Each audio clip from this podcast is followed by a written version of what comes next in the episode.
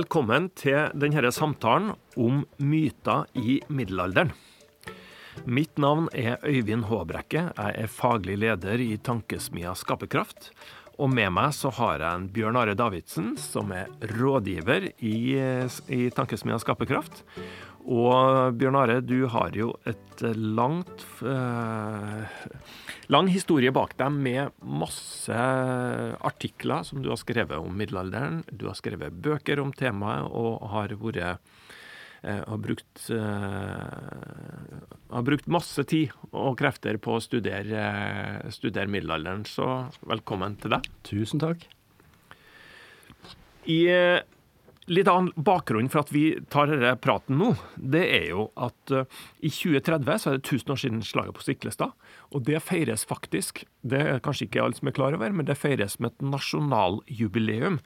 Siden det etter slaget på Stiklestad og alt det som skjedde rundt det, ikke lenger ble stilt spørsmål om Norge som et eget rike. Eh, og, men før det, allerede i 2024, så eh, er det et annet jubileum. For da er det nemlig eh, tusenårsjubileum for det man kaller kristenretten på Moster. Og det tror jeg vi tar en kort forklaring på, Bjørn Are altså her i jubileet i 2024, hva er det, og hva er det man kaller kristenretten? Ja, dette jubileet i 2024 er faktisk et dobbelt jubileum. Det er da både for eh, det som eh, Olav Haraldsson innførte som et eh, for første gang lovverk for hele landet. altså kristenretten basert på det han oppfattet som kristne prinsipper, kristne menneskesyn osv. Eh, når det er litt uklart akkurat hvor mye av det som vi i dag har bevart av kristenretten, som faktisk ble innført på Moster i, i 1024. Men det nye her var altså et, et, forsøk på å få inn i hvert fall deler av lovverket som felles for hele landet, og ikke bare disse landskapslovene, Gulating og Eidsivating osv., som ellers uh, var der. Og så er det altså et annet jubileum, nemlig 750-årsjubileet for landsloven, som Magnus Lagabøter Eh, var ansvarlig for, da, og som kom i 1274. Og når han heter Lagabøter, så er jo ikke det fordi at uh, han, han, eh, laget noen bøter, men fordi han reparerte lovene. Og da i Olavs ånd heter det da liksom i tradisjonen. Og, og så navnet hans, tilnavnet Lagabøter, kommer av det. Lovreparatøren. Men det er jo masse sånne historiske begivenheter fra middelalderen som vi kan ha lest om i skolebøkene og glemt for lenge siden, som man liksom ikke ser veldig grunn til å, å lage veldig store jubileum og fester om. Men grunnen til at dette er viktige nasjonale begivenheter, da, de, de to årstallene du nevner her, 1024, 1274, og at man da skal feire dette stort i 2024, det er vel at det har fått så stor betydning at det faktisk eh, har fått betydning som peker fram mot i dag. For det som jeg har lært gjennom forberedelsene til i jubileet 2024, det er jo noe som jeg må innrømme at jeg ikke var klar over, nemlig at Norge var jo helt ledende i Europa i middelalderen eh, når det gjelder det å utvikle altså rettsutvikling, utvikle lovgivning. og det som da peker fram mot en moderne rettsstat. Det var jo Norge helt i front i Europa, stemmer ikke det? Jo, det stemmer på 1200-tallet. Det var inspirert av områder i Spania som også var veldig langt framme. Lenger framme i Norge på mange måter, men lovene der ble faktisk uh, for perfekte. For perfekte på mange måter til å bli tatt i bruk. Mens den norske landsloven i 1274 den var i et hendig format, kunne pakkes ned i salsekker og transporteres per hest rundt om hele landet. Så det er bevart veldig mange eksemplarer av dette, og det viser at den har vært i veldig stor bruk, i motsetning til de andre datidens eh, såkalte moderne lovverk. Norge var et av de første landene i Europa som fikk en fungerende landslov. Eh, og dermed, eh, som på en måte lå da i front i utviklinga mot det vi i dag regner som moderne rettsstat og demokratier, ja, det... peker fram mot 1814 osv., og, så videre, og det demokratiet vi så iherdig forsvarer i dag. Ja, Vi kan, kan finne noen linjer. De er aldri veldig rette, men, men, det er mulig å finne noen røtter og veier som, som går fra, fra, denne tenkningen til, til, moderne tid, selv om det også har kommet til en del nye elementer i, i moderne tid. Men uh, hele tanken om omsorg for fattige, om hensynet til uh, sin neste osv. Uh, var veldig avgjørende for, for altså, den nye måten å tenke på, som kom som introdusertes da gjennom 1024 og kristenretten. Ja, for det, man så vel da at måte, det nye menneskesynet som var på vei inn, der man faktisk, de svakeste, ikke var noe du skulle herske over, men egentlig beskytte med, med lovverket, og som da representerte et menneskesyn som er hele fundamentet for demokrati og rettsstat. Det, man, det var jo på en måte de første såkornene til det som, som da ble sådd i 1024. Og jeg tenker jo særlig nå i en urolig verden, der vi føler at det er på en måte en kamp om friheten og demokrati osv. Og, så videre, og, og så tenker jeg jo at det en veldig god anledning til veldig mange gode og viktige diskusjoner når eh, det jubileet nå eh, nærmer seg. Nei, men Takk, Bjørn for eh, den introduksjonen.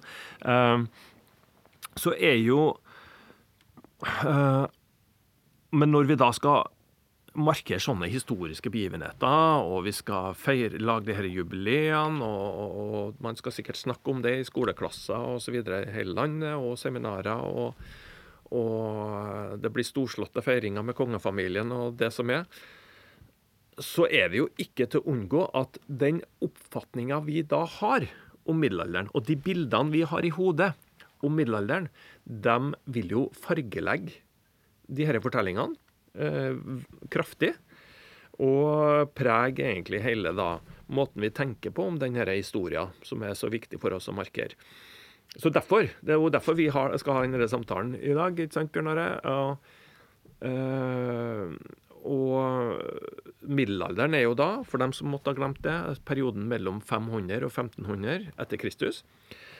Men mitt første ordentlige spørsmål da, til deg, Bjørn Are, det er hvorfor heter det middelalder?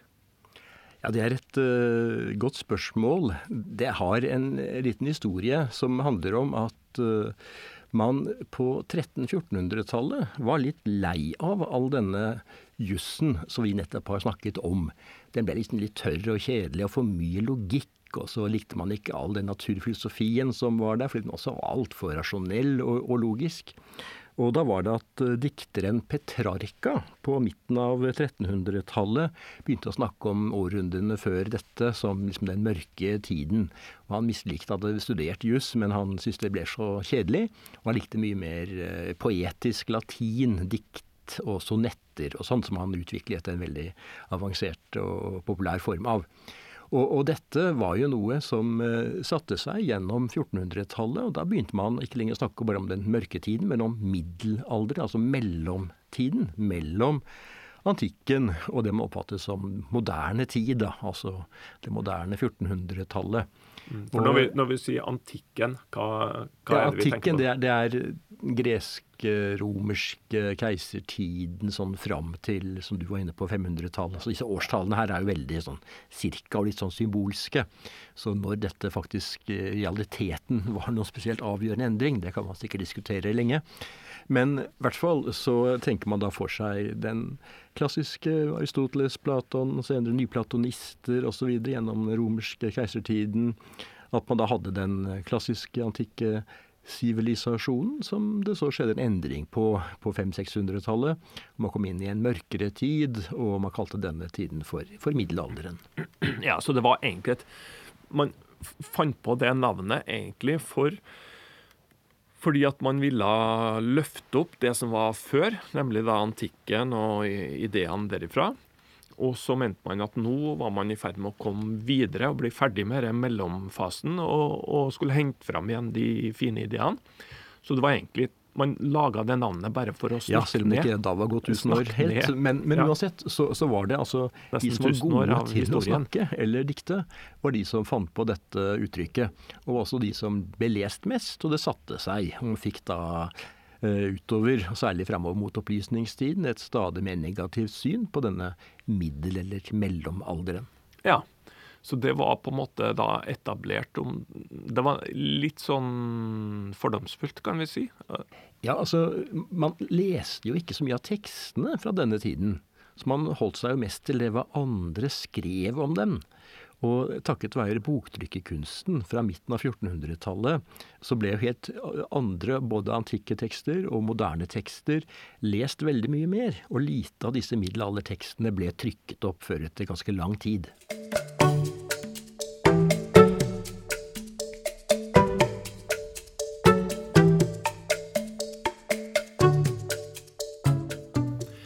Men vi har jo kalt, eh, vi har jo kalt denne samtalen for myter om middelalderen. Eh, og før jeg går videre, må jeg jo bare si at du, Bjørnar, du har jo skrevet ei, Jeg sa du har skrevet flere bøker, men ei av de mest interessante bøkene du har skrevet, er jo ei som heter 'Lurt av læreboken'. Og den tittelen har den fordi at du går gjennom masse lærebøker og, og, og ser på hva de skriver om middelalder, om kirke og kristendom, og særlig da, og særlig da fra denne perioden. Uh, uh, og det, det, har, har, det, har, jo frambrakt veldig mye interessant, må vi si, og det skal vi komme litt tilbake til da, i, denne, uh, i, i spørsmålene videre.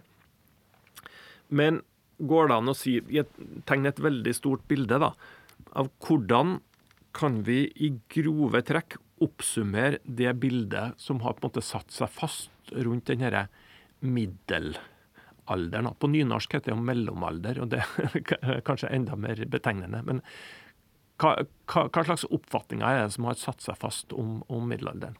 Ja, Det varierer sikkert fra person til person, men sånn litt uh, overordnet så tror jeg at man oppfatter det på mange kanter som en, en mørk og brutal parentes mellom denne klassiske antikken og renessansen. Og så ser man for seg en tid med fryktelige, brutale lover uten menneskeverd eller tanker om å hjelpe de fattige, og, og at man kanskje fryktet antikkens kunnskap, forfulgte vitenskapsmenn, og derfor trodde at jorden var flat, og, og forbød vitenskap som fysikk og kjemi. Og ja, det var liksom en brutalitet og en uvitenhet uten, uten sidestykke. Ja. Men, eh, ja, men stemmer ikke det, da? Var ikke, ikke sånn det var?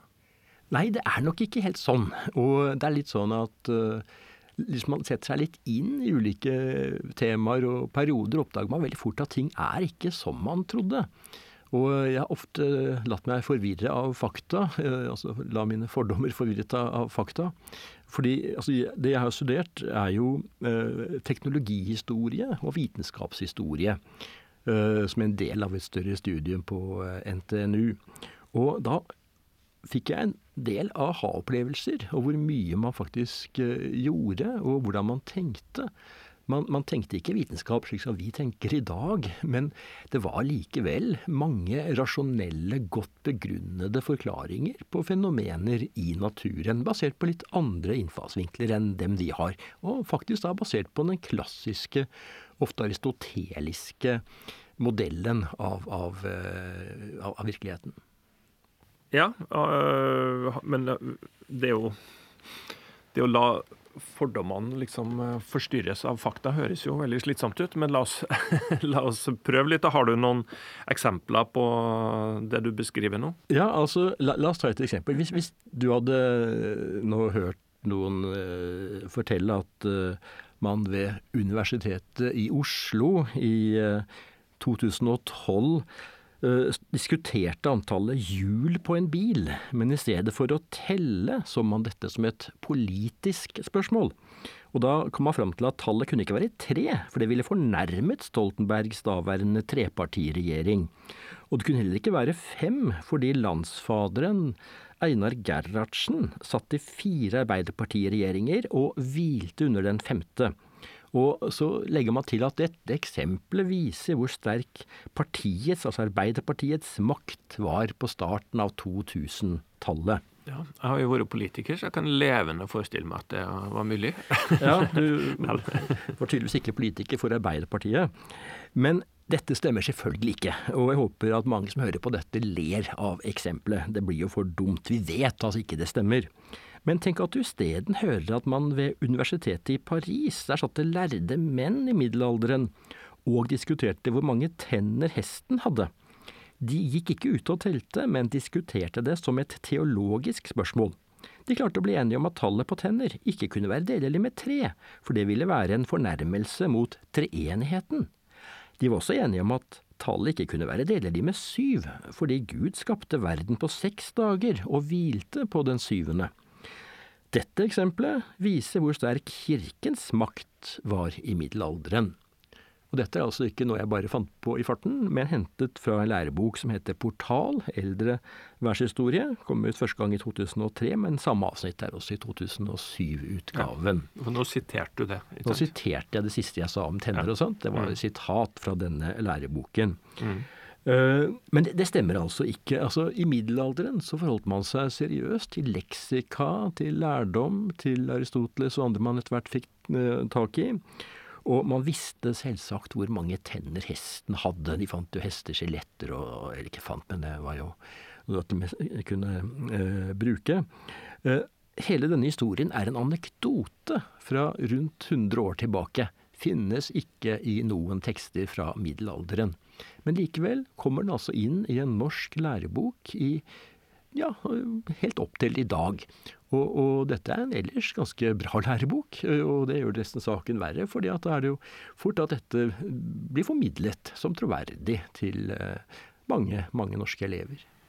Ja, vi kan jo ta noen sånne, La oss ta noen sånne konkrete eksempler da, på sånne myter og forestillinger. Og nå nevner du jo ett, med tenner og hester. Men eh, hva vil du si er den vanligste myten da, som eksisterer? Ja, den har jo veldig lenge vært at man i middelalderen skal ha ment at jorden var eh, flat. Ja, men det har jeg hørt. ja, den altså, har jeg hørt mange ganger. Ja, ikke sant. Og eh, vi var litt nysgjerrige på det i Skaperkraft, så vi fikk Norstat til å undersøke dette. Og det vi da gjorde, var å spørre på samme måte som man da spør i en sånn eh, undersøkelse av hva er det folk vil stemme på.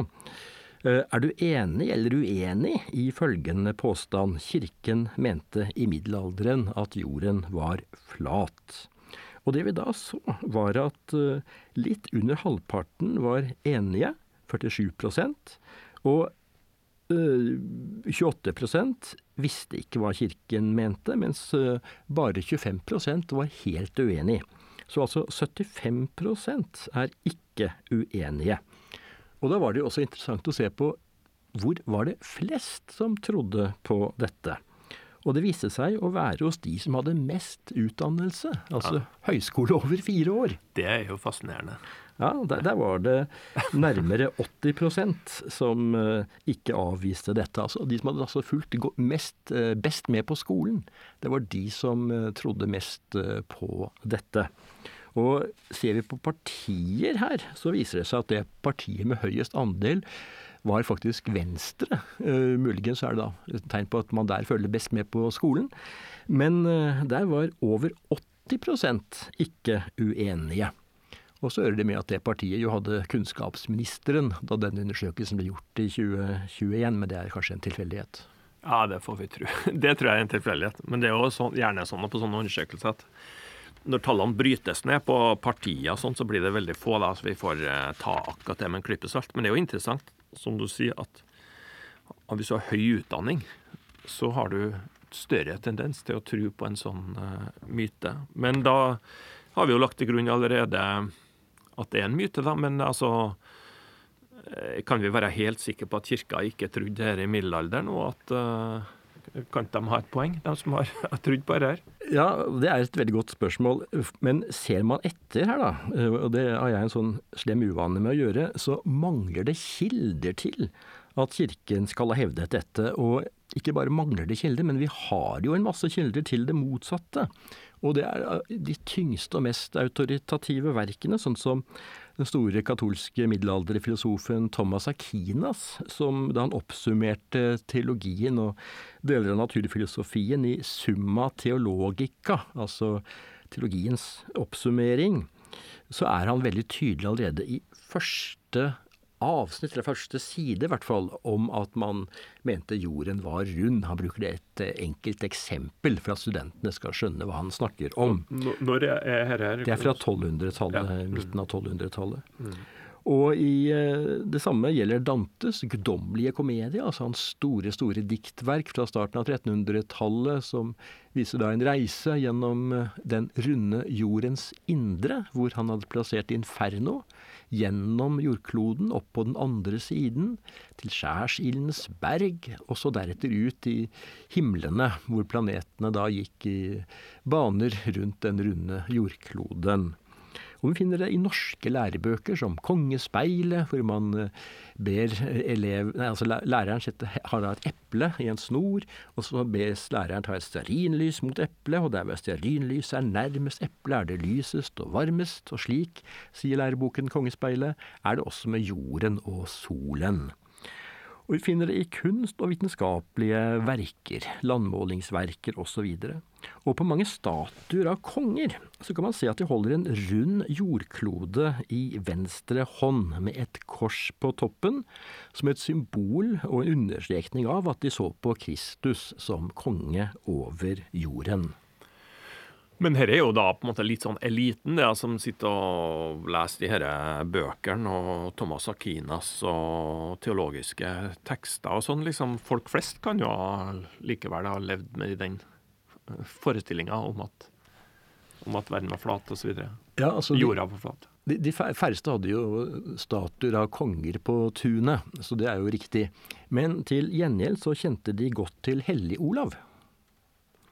Og eh, saken er den at fremstillinger av Olav fulgte forbilder fra europeisk kunst, og, at, og der var han jo en, en, konge. Slik at på de aller fleste bilder vi har av Olav, f.eks. dette Olavsfrontale som står i Nidarosdomen, så ser man at han holder en rund jordklode i venstre hånd. Og når det var gjennomgående på figurer og bilder av Olav, så var det altså sånn at dess frommere du var, dess mindre hadde du grunn til å tro at jorden var flat. Så i norske kirker på bygdene, stavkirker osv., så, videre, så så man vendte seg til Olav, så så man at jorden var rund. Ja, men eh, ja, men det at han har et sånt eple i handa, det er jo ikke sikkert at folk kobler det med at det kan jo ha vært et, liksom et rikseple, sånn som vi så på begravelsen til dronning Elisabeth nå nettopp, f.eks. Altså, er du sikker på at det var, skulle være en jordklode?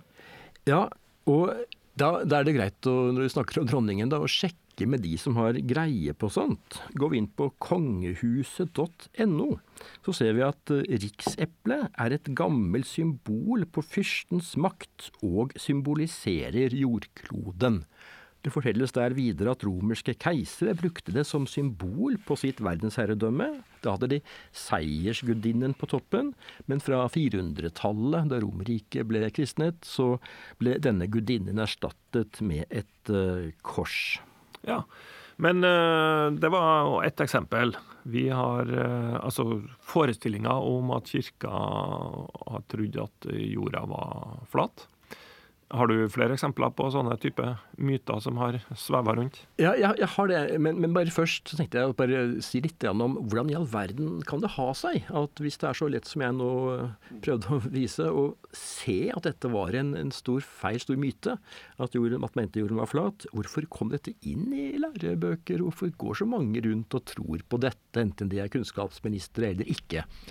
Og det er jo rett og slett fordi man på starten av 1800-tallet begynte å få en del sånne populære forfattere. Og en av dem skrev en, en bestselger uh, om eh, Columbus.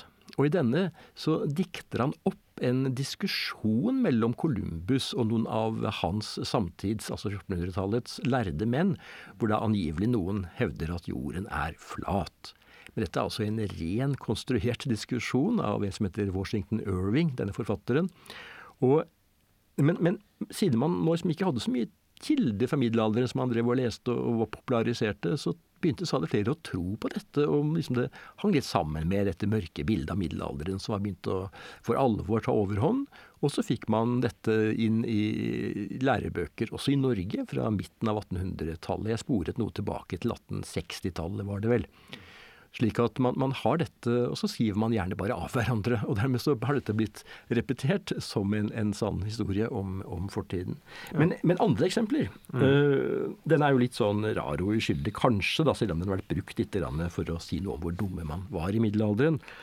Men noe jeg stadig hører, også i ganske seriøse sammenhenger, er at man i middelalderen hadde forbud mot disseksjoner av mennesker og dette var en praksis som kirken gjennom middelalderen hadde vært veldig skeptiske til, og dermed ble ikke menneskekroppen studert før renessansen på 1500-tallet, sies det, med Vesalius og andre som, som laget bøker om det den gangen. Men det er altså ikke noen form for dokumentert forbud mot disseksjoner av mennesker i middelalderen, mens det var det i, i Romerriket, faktisk. Og man har kilder som viser disseksjoner i den italienske byen Salerno, i hvert fall fra 1200-tallet, ofte offentlige forestillinger for medisinstudenter.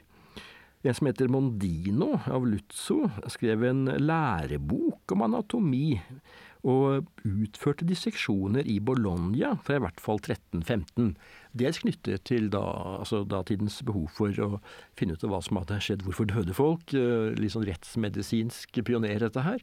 Bologna var også en sentral by for rettsutviklingen i eh, middelalderen.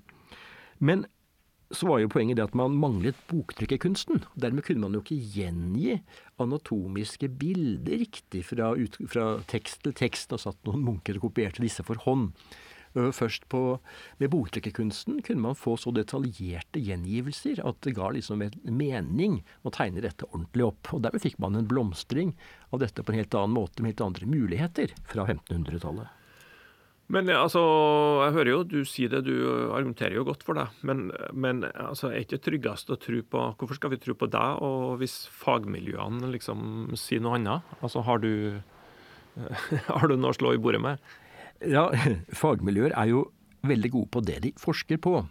Veldig mye av disse mytene befinner seg i utkanten av det de forsker på, så de tar det gjerne med som litt anekdoter og sånt for å krydre stoffet. Men det var jo veldig flott da at NRK sommeren 2022 i samarbeid med Universitetet i Oslo laget en serie programmer om middelalderen og oss, og da ikke minst om den lyse middelalderen. Og i det programmet så understreket historikerne at klostrene og katedralskolene var en drivende kraft bak spredningen av antikkens intellektuelle kultur, og av helt nye idealer. Og som de da sier, så var det faktisk ofte kirken som lå i spydspissen av utviklingen og lærdomskulturen som endte opp i universitetene på 1100-1200-tallet. Og noe av det mest fascinerende i det historikerne i dette programmet sa, var at eh, det på mange måter var sånn at dynamikk endring og tilpasninger var veldig viktige verdier for middelalderkulturen. Altså ingen sånn stillstand og stagnasjon, men, men stadige endringer. Og det handlet om alt fra å fremme idealer som faktisk glede til menneskeverd. Ifølge en av historikerne som er med i programmet, så var det en av klostersyndene å gå rundt og være trist og deppa. Og, og det at vi har verdi, en egenverdi, er en middelalderverdi, ikke antikke verdier. Men sånn at, ja, Så du, det du egentlig sier, er at de historiske fagmiljøene av dem som virkelig kan det her, dem eh, er veldig eh, godt kjent med at dette er myter, og at de, du er på lag med dem. Men det er liksom litt i utkanten av fagmiljøene at de mytene her eksisterer. Og, men likevel sitter de så godt fast at de får til stadighet får gjennomslag og faktisk i lærebøker og, og det ungene lærer på skolen. Ja, eh, så, så jeg har jobbet en stund med Uh, fagsjekk, uh, dette nettstedet for, for å analysere læremidler og populærvitenskap. og det vi da ser, er at det er fortsatt, altså i 2022 og sikkert også 2023, vil være læremidler som på ulike måter fortsetter å fremstille, eller bruke den type oppfatning av middelalderen som en mørk og trist tid, så som grunnlaget for fremstillingen av den. Veldig vekt på maktspill og, og det politiske. og se, Man ser veldig sjelden på det vitenskapelige, det naturfilosofiske eller andre sider ved, ved middelalderen. Lite på rettskultur og lite på betydningen av landsloven osv.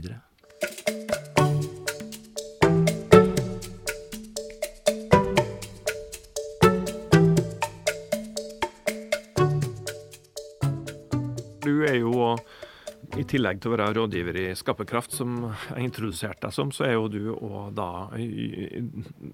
sentral i Fagsjekk. Eh, og Nå husker ikke jeg tittelen din der, men du Redaktør, Redaktør i Fagsjekk for nettstedet Fagsjekk. Og jobber jo da med å gå gjennom læremidler og, og det som skjer i, i skoleverket.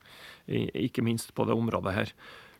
Eh, kan jeg spørre dere, Hva slags respons får dere fra forlagene når dere påpeker eh, feil og, og upresise framstillinger av middelalderen? Ja, Det varierer, og det er jo ikke bare middelalderen. Det er jo også andre områder. Eh, så dette vi da ser, er jo et veldig god respons fra en del forlag, og noen har til og med endt opp med å trekke lærebøker fra markedet, komme med nye utgaver av dem. Eh, vi fikk også endret en, eh, en podkast hos NRK som hadde en, noen veldig upresise fremstillinger av, av, astronomihistorien. Og det vi ser, er at seriøse folk som, som, ser det vi skriver, de, de, de ser at veldig mye kan de støtte. Og da forsøker de å endre seg på bakgrunn av det. Og så er det noen da vi dessverre ikke har fått noen respons fra. Men sånn er det vel kanskje ikke så lett å ta innover seg all den type kritikk som, som man får for uh, det man har gitt ut. Ja, nei, vet du, vi har, vi har, jo forberedt masse artige eksempler, vi, Bjørn Herre, men tida, tida, går veldig fort. Eh, så jeg bare, vil bare touche innom at eh, altså Sånne rare eksempler, da, som at, eh, som at eh, man brukte masse tid på å diskutere hvor mange engler som kunne danse på en nålespiss. Og så var det noe med at man ikke, det var forbudt å bade i middelalderen. Og eh, så var det noe med kattene, den husker ikke jeg helt, men det må du kanskje hjelpe meg med. Men her er jo andre eksempler på, da, på myter som har eksistert, men som faktisk er feil. Ja da, og dette med spørsmålet om, om, hvor mange engler som kunne danse på en nålespiss, er jo ofte noe som jeg kan høre i lunsjsamtaler, i, i ulike sammenhenger, på familieselskaper og sånt, og ser av og til på, på nettet. At det brukes som et eksempel på latterliggjøre ja, liksom, det, man, det man holder på med. Ja eksempel på hvor eh, uvitende og, og uh, virkelighetsfjern man da var i diskusjonene. Men dette er altså en satirisk kommentar, et ordspill fra 1600-tallet, hvor en protestant, en engelsk mann, William Skelatter, han kritiserte da middelalderens eh, lærde katolikker for å være opptatt av unyttige spørsmål. Og da laget han ordspillet altså How many might sit on a needle's point and 600 such like needless points. Altså ordspillet need, altså nålespiss, needles point, og det unødvendige poenget, needless points, det også. Så dette kan kanskje ha vært en logisk øvelse. altså Hvis engler hadde en fysisk størrelse, var antallet endelige. Var de ikke-fysiske, så kunne det være uendelig mange engler. Men, men det er liksom i så fall i beste fall en liten enkel elevøvelse. Ja, det med forbud mot bading og at svarte katter var, var djevelens dyr og sånn, det får vi ta en annen gang, tror jeg. for, det, for tida går fort. Men det du formidler, du formidler jo egentlig et annet bilde da, av middelalderen, av den såkalt mørke middelalderen, der eh, kunnskap og vitenskap eh, var i rask utvikling, og at kirka ikke bekjempa vitenskapen, men kanskje like mye, minst like mye, var en pådriver for utvikling av vitenskap og, og, og kunnskap. Um, og der dette faktisk på mange måter var en blomstrende periode da, for utviklinga eh, for utviklinga for vitenskap og kunnskap, rett og slett. Så ja. Ja, det var jo altså Middelalderen er jo ikke bare én ting. Du snakket jo i starten om en sånn tusenårsperiode fra 500 til 1500, og den perioden var jo veldig forskjellig fra århundre til århundre, og dels også fra sted til sted. Så det å begynne å sammenligne liksom 1200-tallet med 700-tallet eller 1270-tallet med 1370-tallet blir litt, litt, rart, særlig med tanke på at det også var svartedauden inne i bildet her, slik at uh, veldig mange av Europas lærde døde jo rundt 1349-50. Og det satte jo veldig mye, tilbake, veldig mye, av utviklingen tilbake. Og først på Kopernikus sin tid, på slutten av 1400-tallet, altså da han studerte, var det like mange lærde i Europa som det var i 1349. Men eh, hvis vi mot slutten da skal reflektere litt over hvorfor i all verden har det Hvorfor har vi kommet dit at en så lang periode av vår eh, historie eh, er, er pakka inn i så mange myter og vrangforestillinger, rett og slett? Uh, nå tester jeg ut en Jeg er jo ikke ekspert på dette feltet, men nå skal jeg teste ut en teori på deg, så får du, får du høre hva du uh, syns. Altså, det er jo ikke noe tvil om at kirka hadde, kirka hadde stor makt.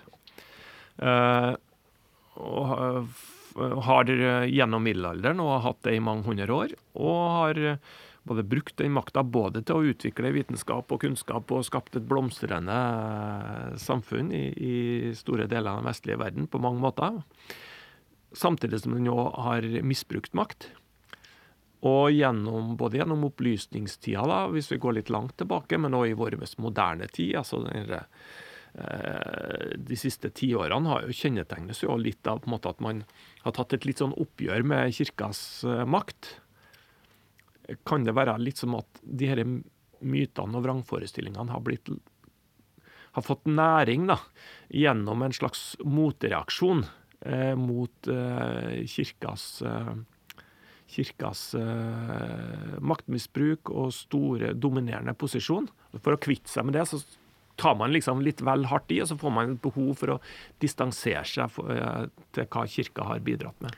Ja, det, det er helt klart en sammenheng her. og man finner denne Eh, i noen land mer enn ellers, særlig i Frankrike under opplysningstiden, hvor kirken da var en veldig konserverende makt, eh, alliert med kongen osv.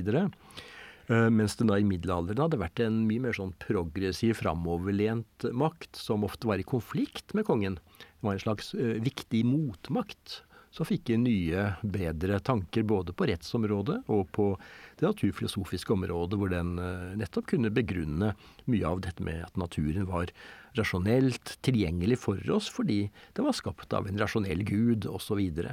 Men så kom, som du var inne på, opplysningstiden og de senere tider, hvor det etablerte seg sterk kritikk av kirkens datidens uh, veldig konservative, maktstøttende rolle.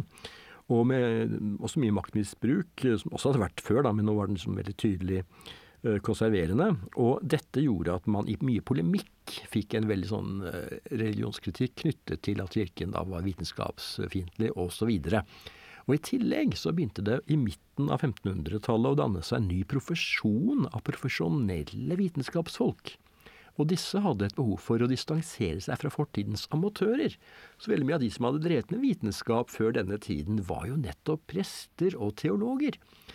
Eh, men det gjorde de sånn på fritiden. Men nå fikk man folk som gjorde dette på, på heltid, og som da skulle vise at de var flinkere og bedre og måtte støttes da, og da tok man kanskje litt for behørig avstand fra fortidens eh, amatører. Så en slags profesjonskamp hører også med her. Og alt, dette gjorde at man da fra slutten av 1800-tallet fikk eh, to store bøker om krigen mellom eh, kristentro og vitenskap, eller mellom religion og vitenskap. Og disse dannet et eh, bakteppe som har preget oss i nesten 150 år. Og eh, først de siste 30-40 årene har vitenskapshistorikerne tatt et oppgjør med disse mytene som ble spredd gjennom disse to store bøkene, som i dag brukes som eksempler på hvor galt det kan gå når man lar sine personlige oppfatninger styre historieskrivningen. Ja, nei, men kanskje kan det Nå skal vi jo gå inn og markere store jubileum som vil få stor nasjonal oppmerksomhet fram mot nå, 2024, allerede om vel et år. Og fram mot 2030, som blir jo et stort nasjonaljubileum. Eh, kanskje det er en anledning da, egentlig til å røske litt opp i dere forestillingene som fagmiljøene kanskje allerede på makta har gjort, men som ikke ennå har kommet helt ut, og fortsatt finnes faktisk i, i lærebøker og, og, og sko skolen. Det, det, kan jo være, i hvert fall være en god, en, et godt, uh, en god målsetting, tenker jeg, for årene framover. Og jeg tenker jo kanskje at uh, ja, hvis, hvis, det er sånn at vi nå har vært gjennom noen år, da, en periode med en slags motreaksjon mot kirkas uh, dominerende posisjon, og så har man gått litt i andre grøfta og blitt unyansert i, i, en sånn motreaksjon. Og det er jo en ganske vanlig mekanisme. Så kanskje er det på tide at vi kommer opp av den grøfta òg. Og at vi eh, kanskje i årene framover, forhåpentligvis, får et mer nyansert bilde av en veldig spennende periode i vår vestlige kulturs historie. Kan det ikke være, en, kan det være et eh, bra mål?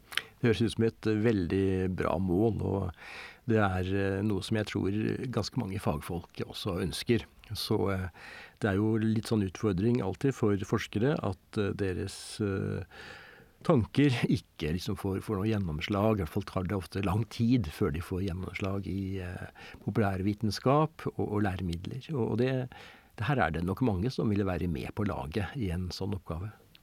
Ja, og Fagsjekk er jo et eksempel på det, da, som særlig jobber med framstilling av kirke og kristendom i læremidler i skolen. Skaperkraft har jo vårt Jubti-prosjekt, der vi jobber med nettopp fram mot disse jubileene for å skape spennende diskusjoner og refleksjon om eh, alle de spørsmålene som virvles opp, da, både om demokrati, om frihet, eh, om rettsstat og om verdier, ikke minst. Eh, i moderne tid, i lys av de, den bagasjen vi har med oss da, i den historien. Så da kan vi jo håpe at vi gjennom denne, denne lille episoden vår har utfordra til, litt, eh, til at noen fakta kan utfordre fordommer. Og så at vi får en, noen spennende diskusjoner i årene framover mot de disse jubileene. Tusen takk, eh, Bjørn Are, for eh, praten. Ja, takk for å bli invitert. Takk for at eh, du hørte på.